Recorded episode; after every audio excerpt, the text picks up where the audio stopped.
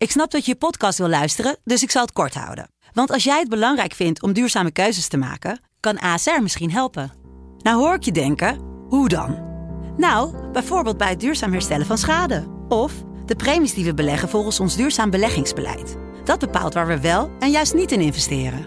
Wil je meer weten over welke duurzame keuzes ASR maakt? Ga dan naar asr.nl slash duurzame keuzes. ASR doet het. Zo, dan kan je nu lekker naar je podcast luisteren. Het blok is terug. Vier koppels, vier bouwvallen, vier verbouwingen en dus een hele hoop stress. Het blok, iedere werkdag om half negen bij net vijf.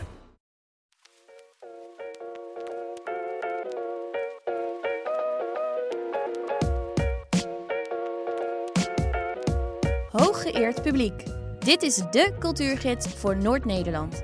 In deze podcast leiden redacteuren van Dagblad van het Noorden en Leeuwarden Courant je door het kunst- en cultuuraanbod van Drenthe, Friesland en Groningen.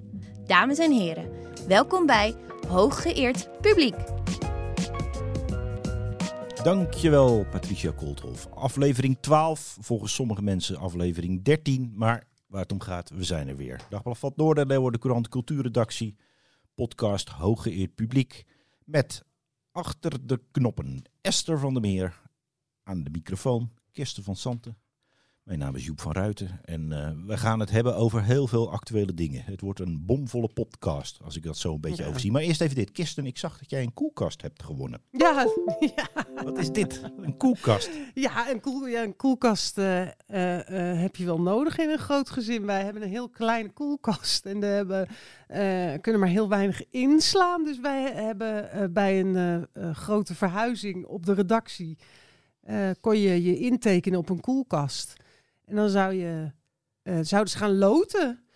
En ik win nooit wat. Ik denk dat ik nog nooit wat in mijn leven heb gewonnen. Ik heb kleurwedstrijden als kind meegedaan. Ik vul wel eens wat in. Nooit val ik in de prijzen. En nu, pardoes, ja. ik heb een koelkast gewonnen. En iedereen weet het ook. Ja, binnen, nou ja, het is, eh, het is, breed, het is concernbreed, concernbreed gedeeld. En even voor de achtergrond, de Leeuwarden Courant heeft een prachtig mooi kantoor eh, aan de Sixma-straat. En dat wordt verbouwd en dan moet de redactie moet verkassen. En eh, nou ja, bij verkassen dan eh, Ja. vallen er ook spullen van de wagen. Wordt dus ook wat verloot, blijkbaar een koelkast. Nou, Ah, Had jij je ook ingetekend? Wel, nee, ik heb, al, ik heb twee koelkasten. Oh, je hebt er al twee. Ik zou niet eens weten hoe ik die dingen moet vullen. Maar goed, eh, nou, eh, allemaal prima. We gaan, over, we gaan over naar het, eh, het nieuws, eh, nieuws van de week. Of Ja. de nieuw, nieuw, nieuwtjes van de week. En eh, ik, nou, het is eigenlijk iets ouder. Zeven vinkjes van Ja. Joris Luijendijk. Daar is heel veel om te doen.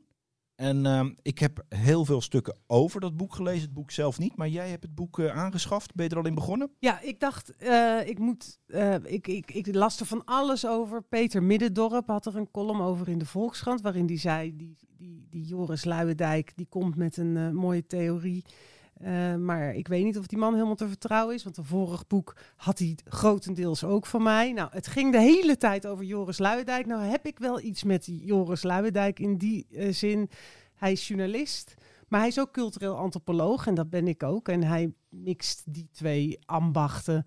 En eh, dus ik, ik ben naar de boekwinkel gegaan, heb de zeven vinkjes gelezen, waarin hij zichzelf eigenlijk heel kwetsbaar opstelt. Ik vind dat wel dapper. Er wordt ook gezegd, hij koketteert ermee. Hij zegt, ik ben als hetero, blanke man, eh, hoger opgeleid, met welgestelde ouders, met een Nederlands paspoort, gymnasiumdiploma op zak. Eh, heb ik bepaalde privileges, ontdek ik. Hij heeft dat zelf bij zichzelf, is dat proces gestart in Londen, waar hij bij The Guardian werkte. Waar hij eh, zich eigenlijk bewust werd van wie hij was, van zijn achtergrond. Het lukte hem moeilijk om aansluiting te vinden. Daar Met bij die die- mensen in Londen. bij die mensen in Londen, wat hij ook deed. Eh, toen dacht hij, hoe, hoe, hoe is dat eigenlijk in Nederland? In Nederland voel ik me weer heel lekker. Zodra ik bij NRC kom, begrijp ik de collega's heel erg goed. Het is een kwestie van taal, denk je? Ook van taal. En dat is dus heel leuk in het boek. Dat hij, eh, eh, als ik bijvoorbeeld, Joep, eh, jij laat mij een stuk van jou lezen en ik zeg, nou, daar moeten we nog eventjes naar kijken. Daar kijken we nog Ja. even naar. Ja. Dan weet jij dat ik bedoel, er moeten nog een paar puntjes. Het is niet goed, denk ik dan. Nou ja, eh, eh, dat, dat is voor zoveel uitleg vatbaar. En eh, ehm, je hebt vaak een soort codes. Dus je begrijpt elkaar als je onder elkaar bent. Nou, hij pluist dat proces heel erg zorgvuldig uit. Hij praat met verschrikkelijk veel mensen. Hij praat met politici, met journalisten, met kunstenaars. En elke keer wijst hij eigenlijk op hetzelfde. Dat doet hij in heel eenvoudig taalgebruik. Wat bij mij het idee ook eh, eh, opbrengt dat hij, eh, hij, hij is een man with a mission. Hij, hij wil dat dit breed land. Een ondernemer, een ideale, eh, las ik ergens. eh. ja, ja. het is, ik vind het qua taalgebruik is het mij soms iets te Jip en Janneke-achtig. Maar hij laat keer op keer eigenlijk hetzelfde zien in dit boek. En dat is ehm, de macht in Nederland is in handen bij een heel klein groepje blanke, witte, hetero mannen van goede komaf. Dat Ja. is de elite. En kijk, de kritiek die hij krijgt... En hij zat ook in Buitenhof, waar, eh, waar men over hem heen buitelde. Ja, dat, heb- dat heb ik gezien, ja. Dat was met Nelly Smit-Kroes en eh Sylvana Simons. Ja, eh, Ja, Nelly Smit-Kroes zei het klopt allemaal niet wat erin staat. Nee, er stond een foutje in, maar achteraf Foutje. bleek dat wel mee te vallen. Ja, Maar- heel flauw eigenlijk. ja. Maar Sylvana Simons had terecht eh, een punt. Die zei, ik onderschrijf Joris' conclusies. Eh, net als ik hoor, want wat hij schrijft is zo, zo klaar als een klontje. En eh, het enige is, en dat zei Sylvana... Wij roepen dit al jaren. Wij mensen van kleur, wij vrouwen eh, in de politiek. En nu zegt een witte hetero-man het. En nou is het ineens nieuws. En nu zitten we er ineens met z'n allen groot over te praten. Dat is toch eigenlijk een schandaal. En hij bevestigt eigenlijk eh, die, die geprivilegeerde posi- positie. Ja, dat, dat is absoluut waar. Maar dat disqualificeert hem niet. Nee, lijkt mij ook Nee. niet. Het is eh, heel goed dat een, eh, een witte man in een bevoorrechte Ja. positie zichzelf ter discussie durft te stellen. En Ja. zegt van nou ja, eh, de lakens worden in dit land uitgedeeld door mensen zoals ik. Ja, maar snap jij, Joep, waarom die zoveel kritiek krijgt? Want ja, nee, dat is... Dat is begrijp jij dat? het is, ja, ik snap het wel. Het is kinderzinnen, is dat. Hm. Het is kinderzinnen. Ik denk, men kan er niet tegen dat Joris Luijendijk bij zijn zoveelste boek... eh, uitgebreid eh, aan het woord laten. Overal eh, mag komen verschijnen. Zijn boek grote stukken in de krant voor publicatie. Het is een soort afgunst. Ja, zou dat het zijn? Of En die afgunst wordt gecombineerd met het feit, en je bent al geprivilegeerd, je hebt al een Ja. privilege. Ja. En, en ja, goed, als de achterban van Sylvana Simons dit boek had geschreven, dan had het veel minder aandacht gekregen. Ja. Want dan was het geschreven door iemand zonder mediaervaring, zonder ingang bij NSC, zonder uitnodiging of carte blanche bij Buitenhof. Dus nee, het is een soort. eh, eh, ja, het, is, hij heeft, hij heeft last van zijn voorsprong op dit moment. Dus het Ja. is een fantastisch mooie mediacircus ja, dit. ik vind het heel interessant om dit te volgen. Ja, en, maar goed, eventjes. Eh, en nu verder. Het boek is er. Eh, wat gaat er nu veranderen eh, straks? Kun je straks met drie vinkjes kun je premier worden in Nederland? Denk- wat denk jij?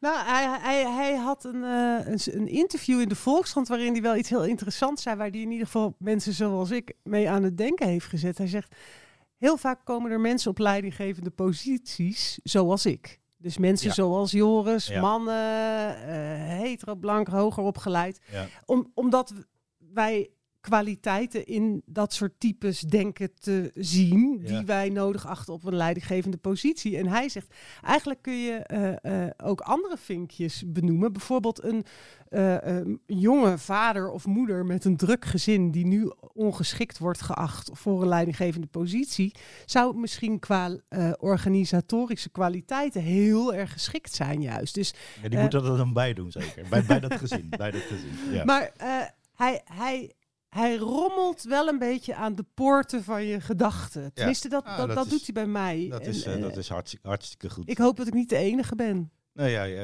ik, volgens mij wordt het boek eh, goed verkocht en goed gelezen. Dankzij de marketingcampagne. En eh, dankzij de Jip en Janneke taal. En dankzij de open deur. Ja. En het is goed dat het eens een keertje Joris Luijendijk dit zegt. Ja, zeg maar. vinden, Hè? we, Ja. zijn het eens. Ja, we zijn het eh, helemaal met elkaar eens. Ehm, ander nieuwtje. Dat is eh eh, Little Kleine. Volg je dat een beetje? Ik, ik, we kregen, kregen mee dat hij is weggestuurd bij zijn Ja. platenlabel. Hij mag ook niet meer optreden tijdens festival Kingsland. En nog wat andere activiteiten rondom Koningsdag, denk ik dat het is. Want wat had hij gedaan, Joep? Ehm, hij heeft zich misdragen. Hij heeft zijn vriendin voor de. Daar wordt hij van verdacht. Hè? Mhm. Want dat, dat is een beetje mijn, eh, mijn, mijn, het punt waar ik heen wil. Eh, hij wordt heel makkelijk, wordt hij nu, eh, laten we zeggen, weggezet en afgestudeerd. Maar er is nog helemaal geen rechtszaak geweest. Het is, nog helemaal, het is allemaal nog in onderzoek.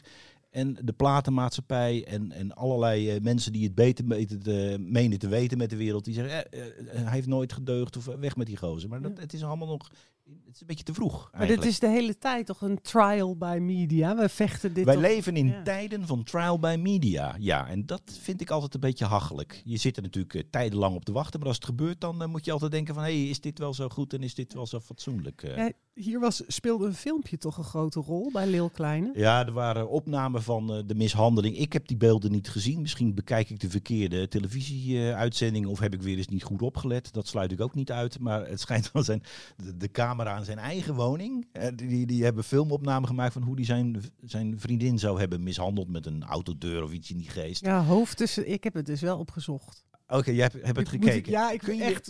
Ik is het voel her- me heel vies bezig eigenlijk. Ben je ook een beetje door Ja. de camera van uh, Lil Kleine en zijn vriendin kijken. Maar is het overtuigend bewijs? Nee, ik zag bijna niks. Want Ja, eh, eh, er, was, er werd gewaarschuwd van. Nou, haar hoofd wordt tussen de deur geduwd. schokkende beelden. En dat is een beetje, dan, dan, dan ga je al denken, oh, je krijgt schokkende beelden. Je stelt Ja. je erop in. Ik zette je, me schrap. je zet in je schrap. Je denkt, ah, dus dat was het hoofd. Ja. was misschien een voet. Bewegingen in de schaduw, zag ik. Ja, ja. Maar ik, had, ik zag het wel op een heel klein schermpje. Dus eh, Ja, nu heeft hij natuurlijk wel de schijn een beetje tegen, want hij komt voortdurend in het Mm. nieuws.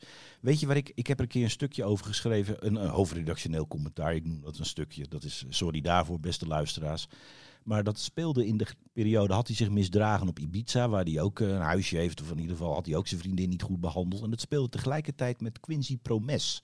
Die had zich misdragen op een eh, familiefeest waarbij hij, geloof ik, een neef in zijn bovenbeen had gestoken.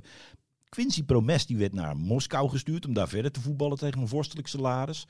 Maar Lil Kleine wordt van de radio gestuurd. Die mag helemaal niets meer. Eh, En, en eh, bedoel, is die nou veroordeeld? Hij heeft ik een taakstraf gekregen laatst voor het duwen van iemand in een café of zo. eh.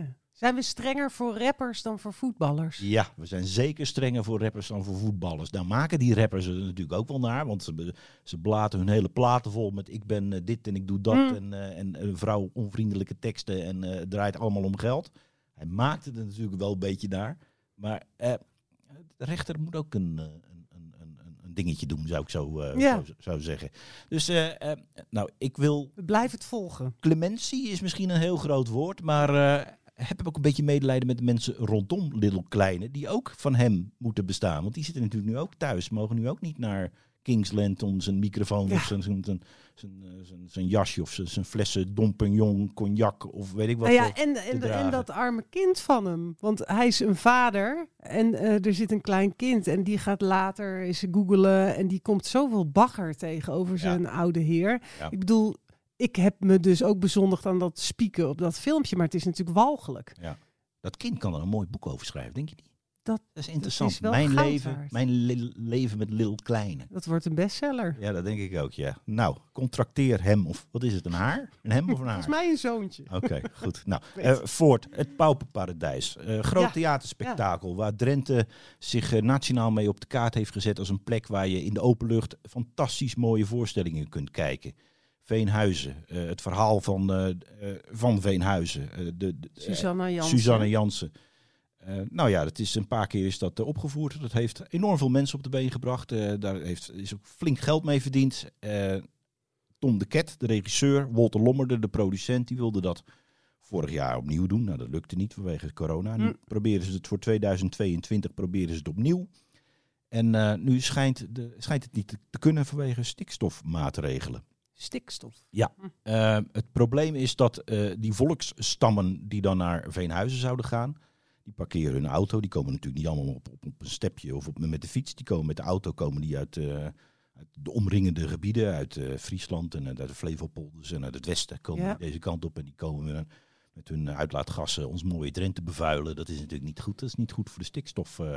Dus eh, ze krijgen geen, vergunning om het, eh, om het uit te voeren. Ja, want het is geloof ik zo dat je, eh, je mag, je krijgt een vergunning of het moet nul zijn. Dus je mag niet een klein, want ik geloof dat er 0,0001 millimol eh, aan stikstof Ja, door zo'n theatervoorstelling wordt veroorzaakt. Eh, ja, maar nou, dat is geen ja. nul, dus mag het niet. Nee, nee, ja. Is dat het logisch?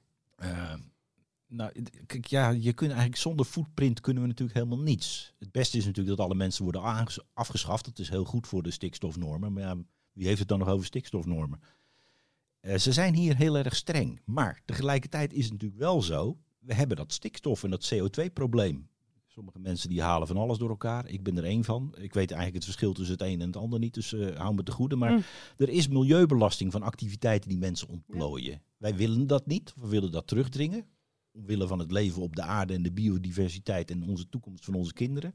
Dan moet je natuurlijk ook wel, laten we zeggen, maatregelen treffen. En eh, we doen eh, afspraken maken over hoe dat moet. En ik zie nog Johan Remkes van de VVD staan met het grote stikstofrapport.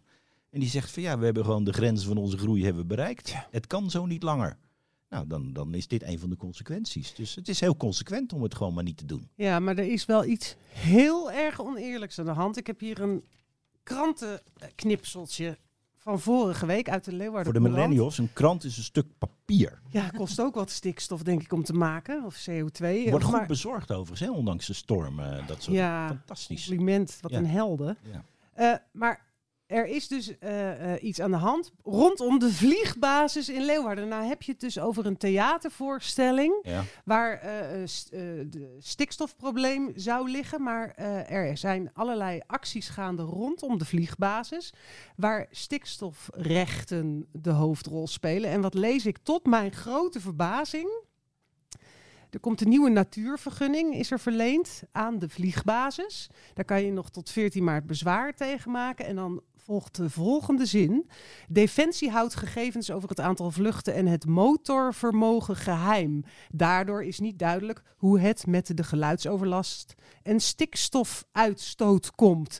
Kortom, eh, eh, een theatervoorstelling transparant als ze zijn, ligt onder de loep en 0,00001 millimol wordt afgestraft. Ja. Maar hier vliegen JSF's en weet ik wat allemaal maar heen en weer. En eh, daar, daar, dat is, daar wordt veel schimmiger over gedaan. En Ja, daar is, is defensie. Ja, defensie. precies. Ah, Het, is we, het ja. verschil tussen defensie en cultuur. Ja, cultuur is natuurlijk heel makkelijk, want dat is een soort overbodige luxe. Oorlog, dat is, daar hebben we wat aan.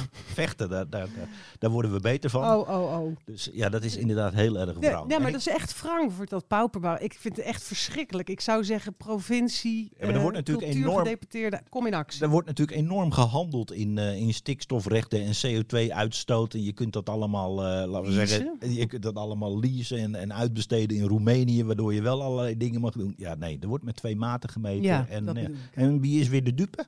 Degene die naar het pauperparadijs wil. De Ja, oh, cultuurconsument. Kort, de pauper. De pauper is weer, weer de dupe. Er verandert werkelijk nooit wat in de wereld. Nou, goed. Eh, er is ook nog wel beter nieuws, zou ik willen zeggen. Mm. Want eh, bij, bij jou, daar in Leeuwarden, is de tentoonstelling à la campagne van start gegaan. Ja. In het Fries Museum. Wat, het- is, wat is dat?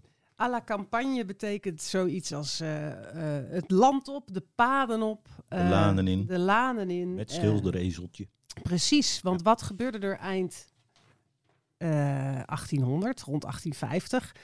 Europa kreeg een steeds uitgebreider treinennet en de verftube, Joep, werd uitgevonden. En dat zorgde ervoor dat heel veel schilders hun beschutte ateliers konden verlaten en de, de paden op konden, lekker naar buiten om te schilderen. En het Fries Museum heeft een schitterende, bij deze tijd, bij de heropening en de naderende lente passende eh, sfeer eh, eh, gemaakt. Is vorige week open gegaan.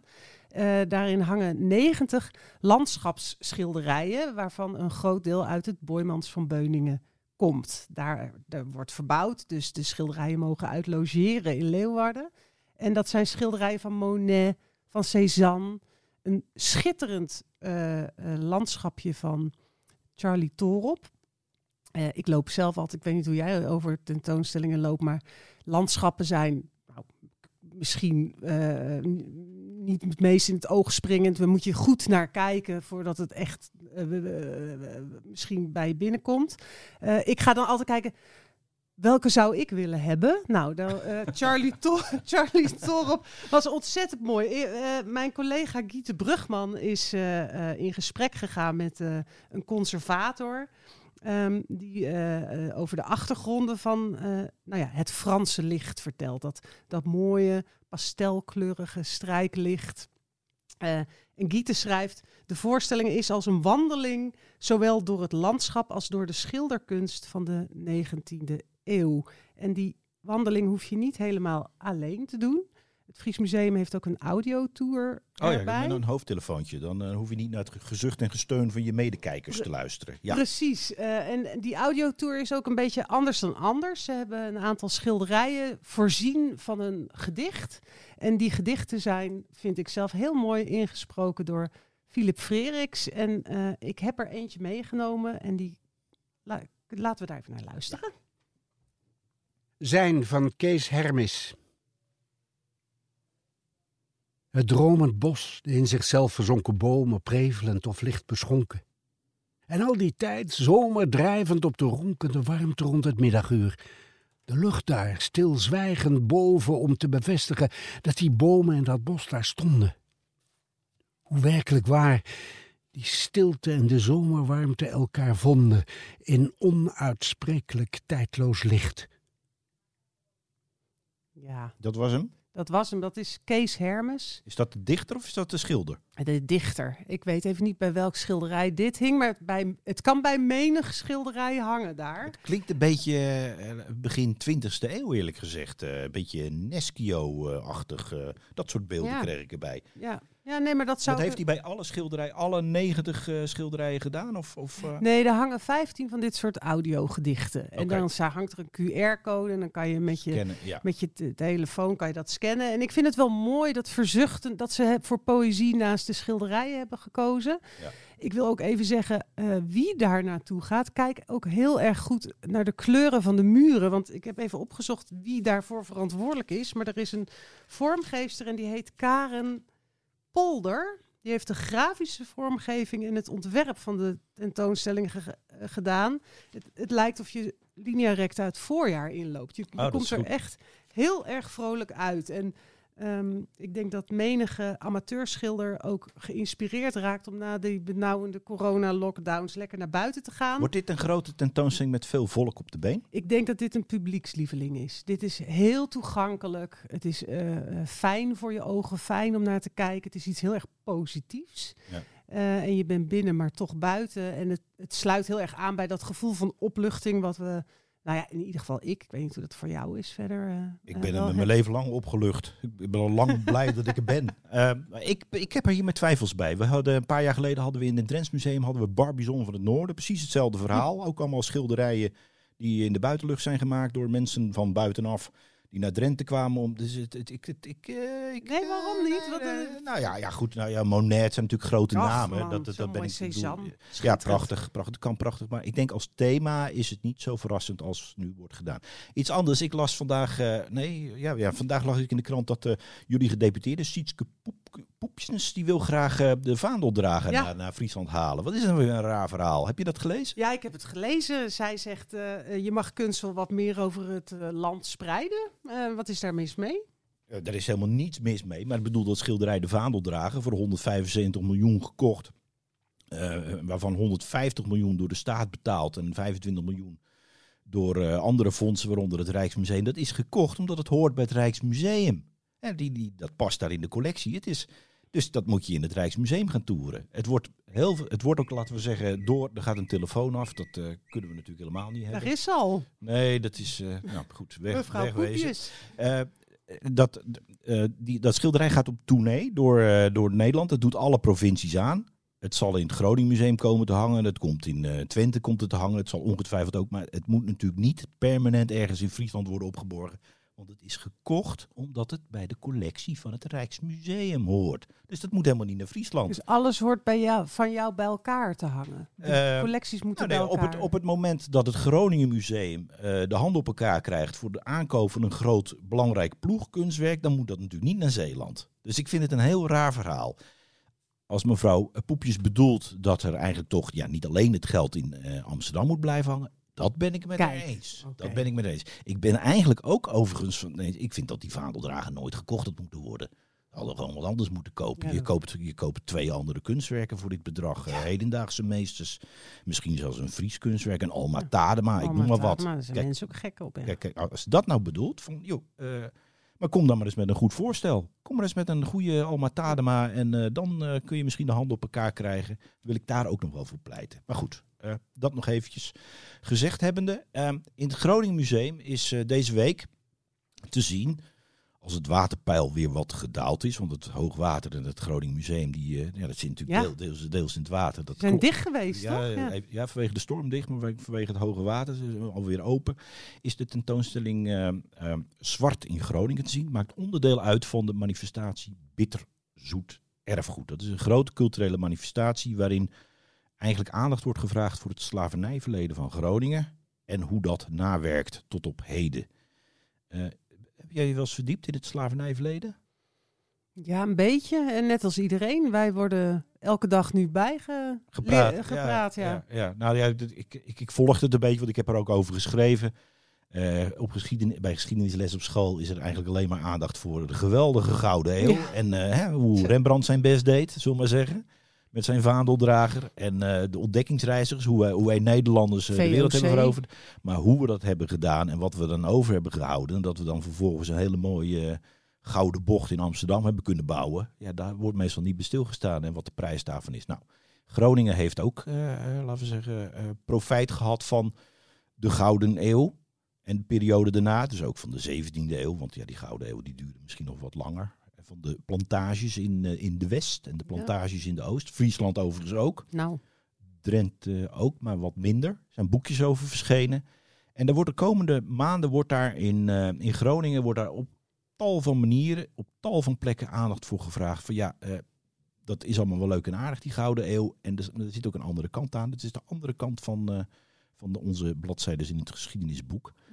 Nou, het Groningen Museum doet dat met de tentoonstelling Zwart in Groningen. En wat hebben ze ook gedaan? Ze hebben nou gekeken van ja, wij hebben nou allerlei kunstwerken. En wat hebben die nou te maken met dat kolonia- koloniale verleden? Misschien zijn die kunstwerken wel gekocht door eh, mensen die rijk zijn geworden in eh, Suriname. Door eh, laten we zeggen, de knoeten te laten gelden en de zweep te laten knallen. En het uitpersen van mensen. Nou, ze hebben inderdaad een aantal werken hebben ze gevonden. Hé, hey, hier zit toch er nog is wel een- iets mee. er is iets mee. Dat zetten ze nu mooi ook met bordjes erbij, zodat je ook de herkomst de, kunt, kunt achterhalen. Dat het toch niet allemaal eh, met, met geld van de staat en, eh, en eh, wat is het, allerlei fondsen. Nee, er is, Wat, wat, is met was bloed er, betaald. was er iets wat jou verraste? Ben je tot ontdekkingen gekomen dat je dacht, joh, Nou, ga, ga ik nee, toch anders kijken? weet- waar, het, waar het in zit is, het zijn van die dingen waar ik niet bij stilsta. Totdat je in zo'n pand komt en je denkt, wat een schitterend pand. Wat een monumentaal pand. En dan denk je van, ja, hoe hebben die mensen dat in hemelsnaam bij elkaar verdiend? Mhm, En dan gaan de ogen wel, gaan de ogen wel open. Je denkt, ja, dat is niet voor niks. ja. En er worden altijd eh, portretjes opgehangen van, eh, van, van de, de, de borgheer en de borgvrouw. Maar de bedienden, die zie je natuurlijk niet, die het werk hebben gedaan. Hè? Eh, Joris Luijendijk krijgt zijn portretje. maar degene die Joris Luijendijk Ja, in staat Ja. heeft gesteld om zijn boek te schrijven. Hè? Daar, eh, nee, daar horen we niet Ja, over. Maar het goed. Het is eh, toch wel heel mooi, want ik, ik zie dat ook wel bij de jongere generatie, dat er een bewustzijn, echt, echt nieuw bewustzijn eh, optreedt. En dat is ook wel eens confronterend. Wij waren op vakantie in Zeeland en daar stond heel groot een standbeeld van Michiel de Ruiter. Dus Oh ja. ik zei tegen mijn zoon, moet je eens kijken, dat is een zeeheld en dat is Michiel de Ruiter. En nou ja, daar, de echte Nederlander. En, die, en toen zei hij, hij, hij keurde hem nauwelijks een blik waardig. Toen zei hij, zat hij ook in de slavenhandel zeker. En toen dacht ik, nou, eh, dat weet ik eigenlijk niet. Ik, ik denk, ik durf hier eh, geen uitspraak Nee, over te het doen. Verhaal Maar is, het verhaal wat wij weten is dat Michiel de Ruiter heeft, Nou, heeft de Engelsen op afstand precies. gehouden. En ons, ons, laten we zeggen, de basis gelegd onder onze welvaart. maar ik vraag me af of hij schone handen heeft. Ik durf er eh, eh, geen Mensen- uitspraak over te Mensen met een zwaard of een geweer hebben nooit schone Nee. handen. Gaat altijd bloed aan zitten. doen. En die jonge generatie, die, voor, voor die club is Ja. het eigenlijk al standaard om het te bevragen. Ja, dat is, dat is waar. Goed. We, gaan, we gaan bellen, Kirsten. Ja. We gaan bellen. Met wie gaan wij bellen? We gaan bellen met Fridoui Riemersma. Zij is een dichteres eh, en de dochter, de Friese luisteraars, die zullen het meteen herkennen van Trines Riemersma, een, een groot Fries schrijver. Zij woont in Amsterdam. eh, en zij werd gevraagd door de provincie Friesland om eh, het gedicht The Hill We Climb van Amanda Gorman in het Fries te vertalen. Dat gedicht werd eh, voorgelezen tijdens de inauguratie Joe Biden. van Joe Biden. Een jaar geleden. Eh, eh, er was veel over te doen over een Nederlandse vertaling. Dat zou Marieke Lucas Rijneveld eerst doen. Die, die was dan niet geschikt vanwege niet van kleur zijn. en Fridoui Riemersma werd wel geschikt bevonden door het provinciaal bestuur.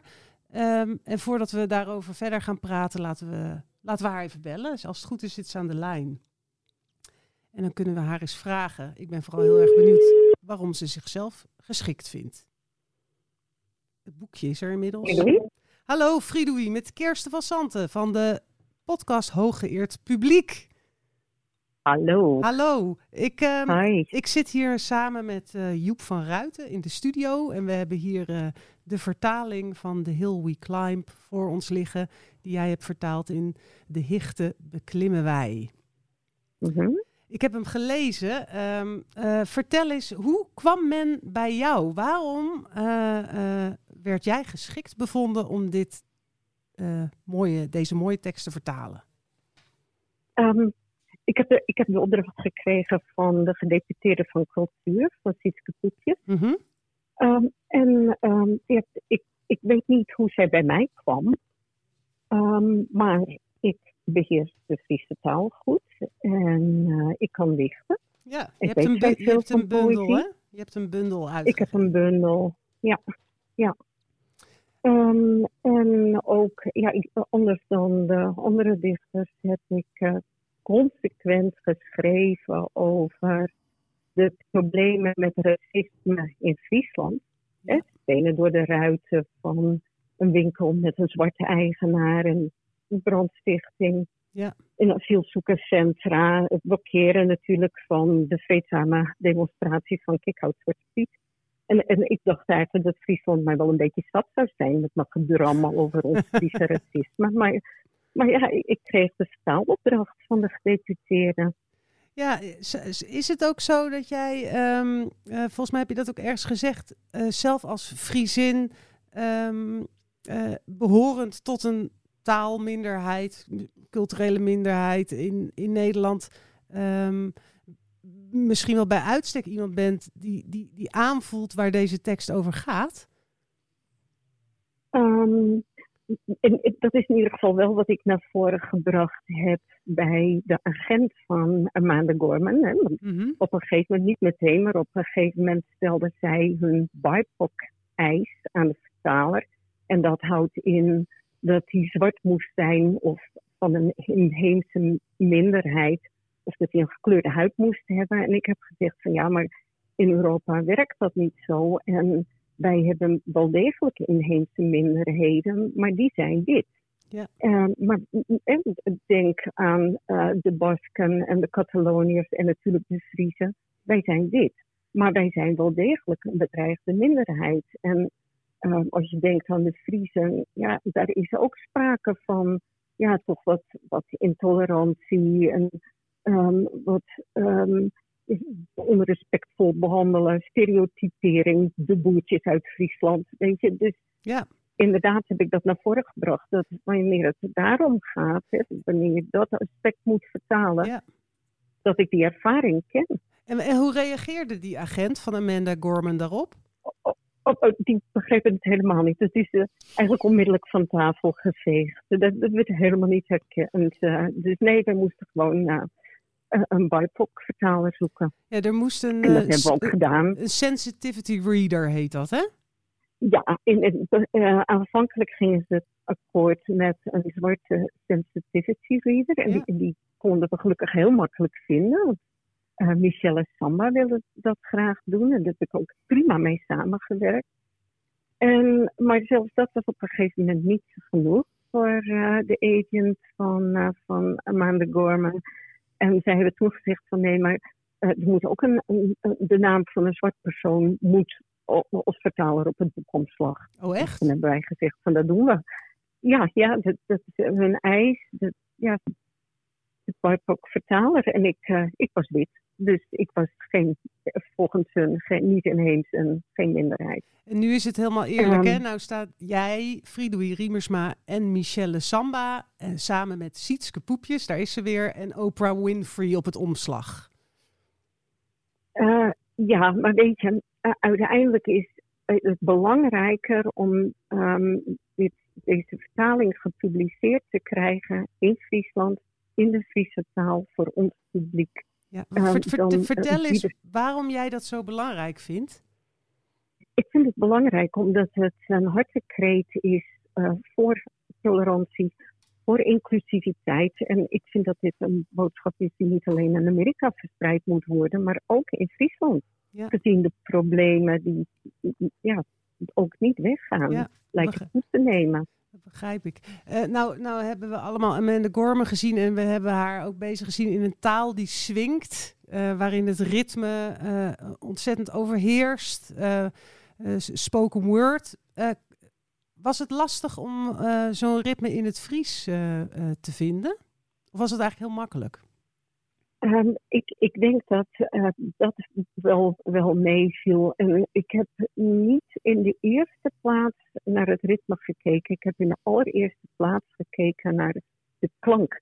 En, en die wilde ik behouden. De klank wilde ik behouden, omdat je daarmee uitstekend sfeer kunt scheppen. Natuurlijk ook met ritme, maar klank is een heel belangrijk instrument. En wanneer je um, de, het rijm. Hè, dat is natuurlijk een van de allerbelangrijkste aspecten van, van de klank. Dat je die kunt herhalen, dat je daarmee rijm kweekt. Ja. Dat maakt het ritme. Dat is, dat, ja, op die manier heb ik het gedaan. En dat, dat viel mee. Dat, ja, dat viel mee. Friedoui, mag ik jou uh, tot slot vragen om uh, het Fries te laten klinken? Uh, als het goed is, heb jij een fragment uitgezocht en geef ik graag het podium aan jou. Ja, dank je. Komt hij. Dit ierde alleen al roepen, dit is weer. Dat zelfs dus wij rouwen, wij riepen. Dat zelfs dus wij heen, wij hopen. Dat zelfs dus wij zuchten zochten dat wij goed heerboen hebben mochten. Een zegen. Dank je wel. Ik uh, uh, weet zeker dat onze Friese luisteraars hiervan hebben genoten. De Drentse en Groning, Groninger luisteraars kan ik alleen maar de woorden van, ik geloof, John Lennon meegeven. Die zei, ja, bij Bob Dylan hoef je niet te weten wat hij zingt. Je hoeft alleen maar te weten of te, erna te luisteren hoe die zingt. Friedewie, ontzettend bedankt. Het boekje is verkrijgbaar. Het ziet er schitterend uit. De Hill We Climb, de hichten beklimmen wij. Hij ligt in de winkel. Dankjewel. Dank je. Dankjewel, Friedewij. En dan gaan we nu meteen over naar Azing. Azing met zijn column.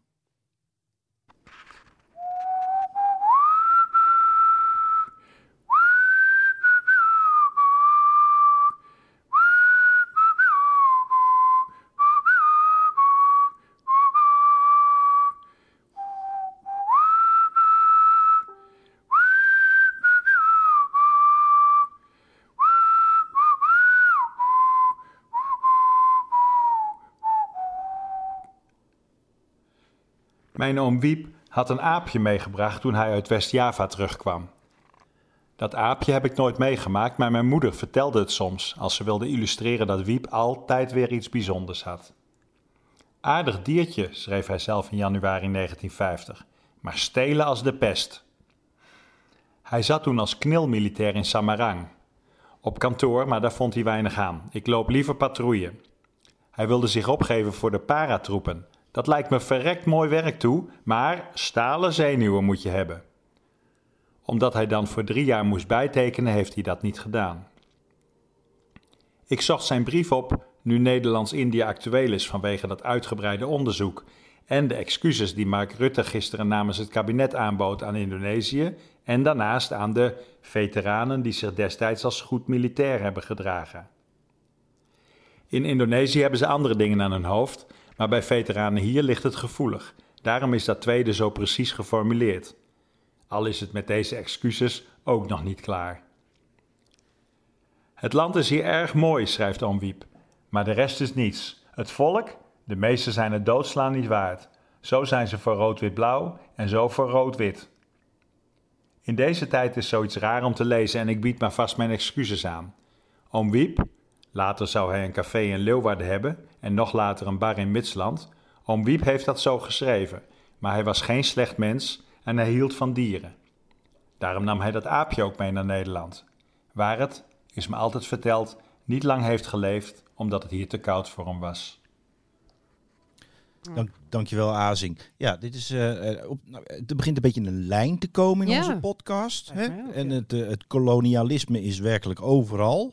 Het is een, eh, een woelige tijd waarin we leven. En het is ook wel mooi om te horen dat Azing met een soort mededogen over zijn oom spreekt. Ondanks dat zijn oom misschien wel enorme misdaden heeft begaan.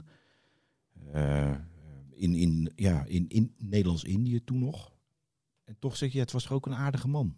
Het kan allemaal naast elkaar staan. Dat kan naast elkaar staan. Ja, dankjewel, eh dan, dankjewel Azing. Ehm Kirsten, eh, het, ja, het culturele leven is natuurlijk weer een beetje op gang gekomen dankzij het wegvallen van de restricties. Maar ja, waar moeten we nou eh, de komende tijd naartoe? Heb jij eh, ons nog wat tips Ja, ik te heb geven? Of, doe er maar één. Doe er maar gewoon Nee, één. dat kan ik niet. Ik doe wel even drie korte, want eh, dat moet gewoon. Eh, eh, we hebben, eh, mocht je de kerstsfeer nog een keertje willen inhalen, dan En kun wie je, wil dat nou niet?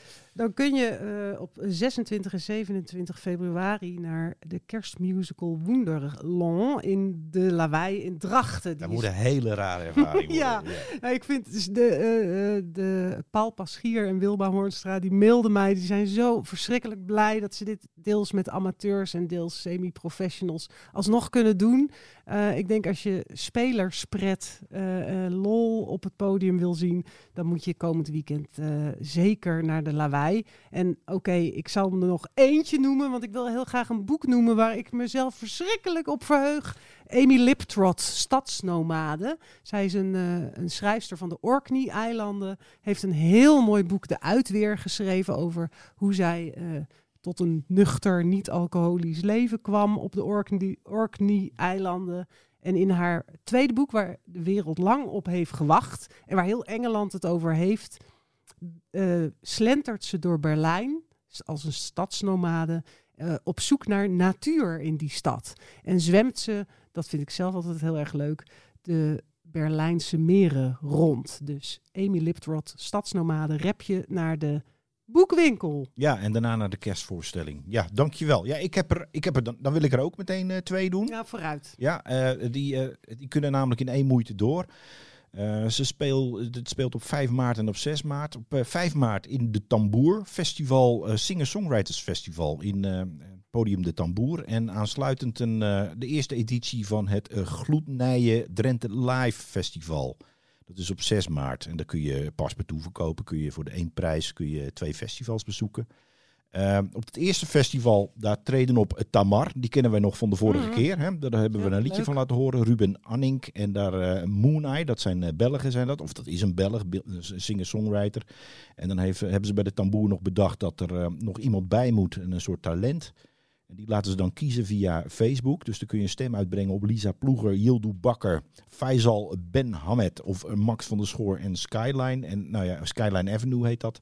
En eh, degene met de meeste stemmen mag dan ook optreden. En dan een dag later, nou ja, dus de eerste editie van dat Drenthe Live Festival met het beste van de Drentse bodem, zeggen ze in Hogeveen. Tangerine, Hannah May, Isa en Awesome. Awesome, kun je eigenlijk beter zeggen, want die doen uh, Drentstalige gitaarmuziek. Isa, dat is eigenlijk, eh, eh, ja, die heeft ooit het Drents Liedjes Festival gewonnen. Hm. En die heeft zich een beetje ontwikkeld in de richting van elektronische muziek, Nederlandstalig. En Hannah May, dat is een protégé van eh, Daniel Lohuus, om het een beetje aan te bevelen. Ah, ja. Singer-songwriter uit Schonebeek. En Tangerine, ja, dat is dat, eh, dat bekende Ja, duo. duo. Dat bekende duo, dat, gaat, eh, dat staat een week, een week daarna staan ze weer in Hogeveen. Dus eh, eh, twee festivals Mooi. in de tamboer. Leuk. Dus dat begint ook weer te lopen.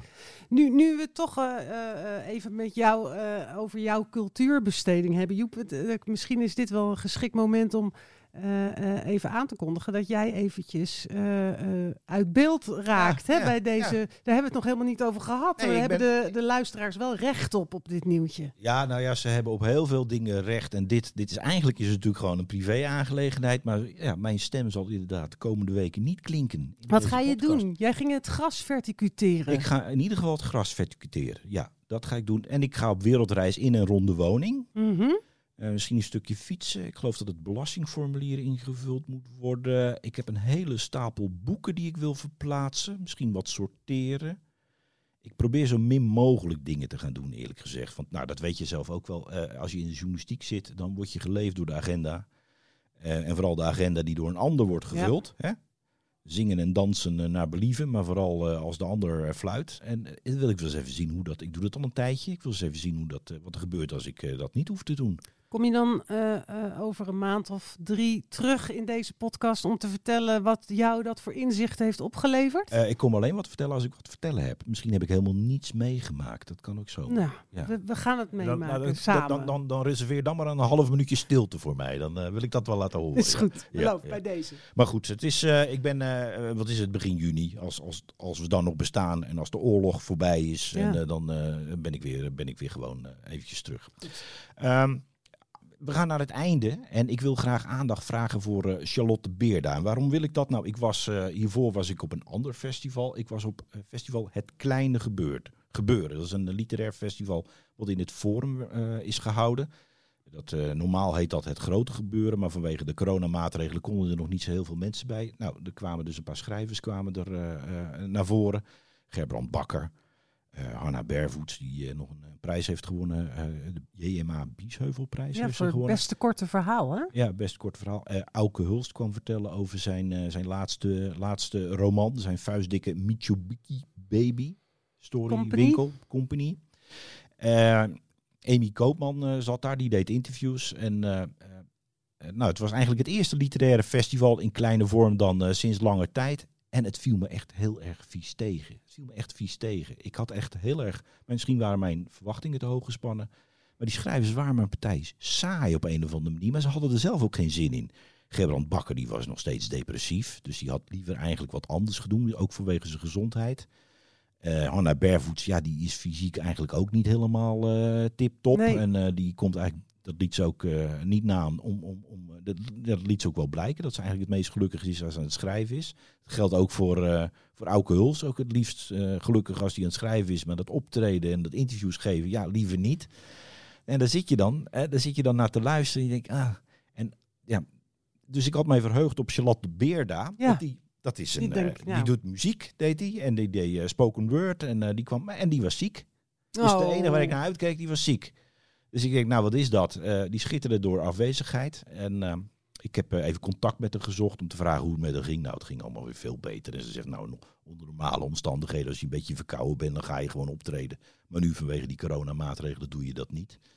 En eh, ze vertelde wat ze probeert te doen. En zij is juist heel erg goed in dat soort literaire festivals, om die op te leven, ja, op, op te fleuren met, met voordracht en met geluid en met beeld en met theatrale gebaren en de theatrale performance. Dus die, eh, die nou ja, ik, eh, Ze werd nodig gemist. ze werd nodig Ja. gemist. Ze willen- lieten wel een clipje zien tijdens het festival. Maar ja, van een clipje zien, dan kun je natuurlijk Mm. ook thuis blijven. Maar dat was beter dan niks. En Ze trok, ze trok het pijl weer een beetje omhoog. Dus ik heb eh, gevraagd of wij het liedje wat zij tijdens het kleine gebeuren liet horen, of, of wij dat ook mogen laten horen. En dat heet Alles is aards. Dat maakt deel uit van het project Dwaalgruis. Wat ze met een componist, Art Zacht, en een, eh, een andere spoken word man, Word Bites, heeft gemaakt. Plaatje gemaakt. Is eind vorig jaar is dat verschenen. Eh, ja, poëzie voor het podium, poëzie om naar te luisteren. Spannender dan een schrijversinterview, in dit geval dan. Dus eh, Charlotte Beerda met Alles is aards. Alles is aards. Ik ben dwaalstof. Jij de overkant, ik duik. In rivieren van steen, het water is zoet. Water is zoet, alles is aards, is liefde ben jij. Waar ik voetstappen maak, de grond raak.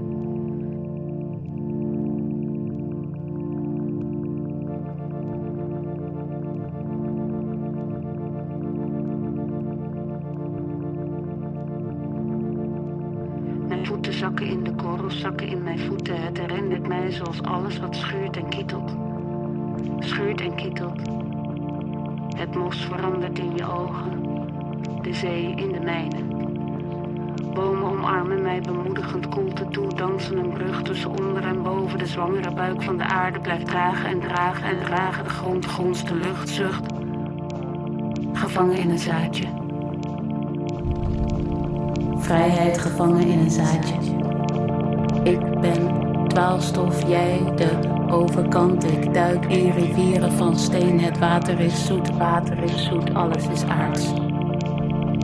Bomen omarmen mij bemoedigend koelte toe, dansen een brug tussen onder en boven. Ze kennen vele manieren van leven. In stilstand, het is een dans die ik wil leren kennen, dwaal je mee.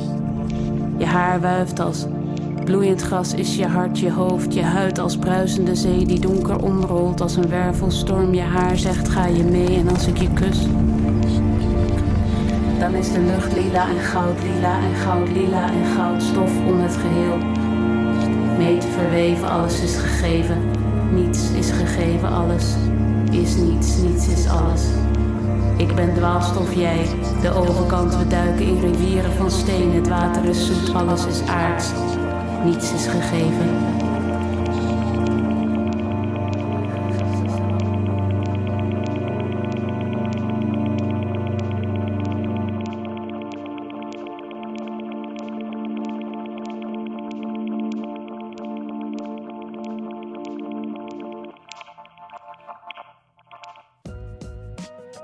Dit was Hooggeëerd Publiek, de cultuurgids voor Noord-Nederland. Een co-productie van de kunstredacties van Dagblad van het Noorden en de Leeuwarden Courant.